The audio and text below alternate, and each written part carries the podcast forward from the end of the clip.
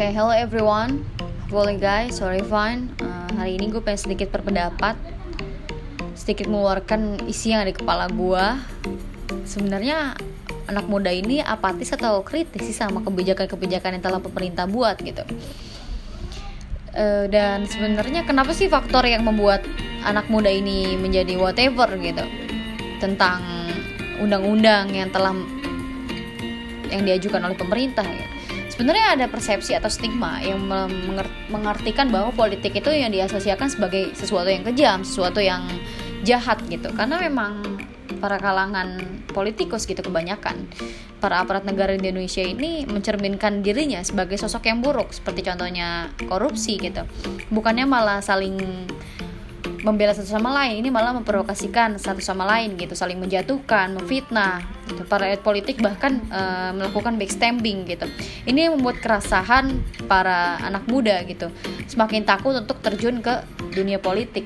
Dan banyak juga cara pandang orang-orang kebanyakan di Indonesia ini yang mohon maaf feodal gitu. Jadi orang muda atau orang yang di bawah 20 atau mungkin 20-an gitu itu nggak punya potensi. Padahal kan seharusnya bukan itu yang dilihat. Seharusnya yang dilihat itu pengalamannya bagaimana dia kerjanya bagaimana cara dia mengatasi masalahnya. Sebenarnya itu yang harus dilihat. Dan kalau kita lihat di Inggris ya uh, ada Brexit yang petisinya itu di online gitu. Jadi jadi di Inggris itu difasilitasi uh, siapa pun yang ingin mengeluarkan aspirasinya. Bahkan anak muda pun sudah difasilitasi. Dan kalau kita lihat juga di Amerika ini ada pemilihan internal dan eksternal yang di mana anak muda itu bisa ikut juga memilih siapa yang diusut sama Demokrat lewat uh, konvensinya yang 40% pun suara milenial gitu. dan sebenarnya anak muda juga melakukan aktivitas politik juga. Jadi anak muda juga nggak terlalu apatis gitu dalam kehidupan sehari-harinya mereka juga isi petisi di search ID dan melakukan suatu kebijakan yang dia nggak suka di Twitter bahkan mungkin di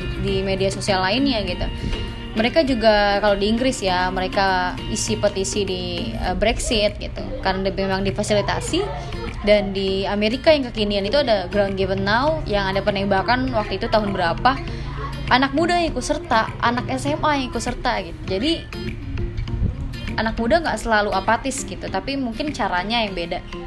Dan di antara kita termasuk gue juga ya sangat jenuh dengan para politikus yang bukannya membangun peradaban politik yang elegan namun sebaliknya gitu. Saling menghujat dan menjatuhkan dan bahkan melempar isu yang tidak substansial namun sisi lain posisi negara sangatlah penting dan krusial. Tidak boleh sedetik pun tidak ada yang uh, kendali gitu. Oleh sebab itu bagian pentingnya adalah partisipasi yang dilakukan oleh para anak muda. Karena yang menentukan ke, e, menentukan kebijakan pemerintah ke depannya adalah anak muda gitu. Dan jangan pula kita melihat uh, politik itu hanya sekedar ribut-ributnya elit tapi politik sebagai rangkaian kebijakan pol, uh, publik yang berpengaruh di setiap lini kehidupan kita. Dan walaupun ya anak muda ini biasanya pikirannya masih original belum banyak pertimbangan belum banyak perhitungan uh, belum terkontaminasi. Dan karena karena dia original maka dia berani ketika di depan dia bilang salah ya dia bilang salah. Ketika di depan dia bilang putih ya dia bilang putih gitu. Tanpa banyak adanya pertimbangan. Dan anak muda ini dibutuhkan adalah energinya. Karena energinya itu lebih dari dari yang uh, sudah tua gitu. Karena anak muda ini mempunyai uh, semangat untuk belajar semangat untuk berjuang tapi ketika energi ini disalurkan dalam hal-hal yang keliru, hal-hal yang nyeleneh, yang menyimpang gitu, itu bisa diarahkan sebenarnya. Dan tinggal bagaimana cara anak muda ini mengglobalisasikan energi tersebut untuk bisa dibutuhkan dalam membangun negeri yang lebih baik lagi, yang lebih maju lagi. Dan jangan sampai anak muda di Indonesia ini mempunyai perpikiran bahwa enggan berpolitik gitu. Akhirnya menggantungkan nasib atau diri dia pada segelintir elit. Dan seharusnya kita sebagai anak muda kita bukan dari barisan barisan-barisan yang pasif atau generasi yang hanya menyimak dengan naif. Tapi juga kita harus berjuang harus menyuarakan aspirasi kita mengeluarkan pendapat kita walaupun tidak didengar. Karena memang sosial dan politik kalau menurut gue ya itu sesuatu yang tidak bisa dipisahkan gitu. Ketika kita membuat kegiatan sosial kita harus berpolitik.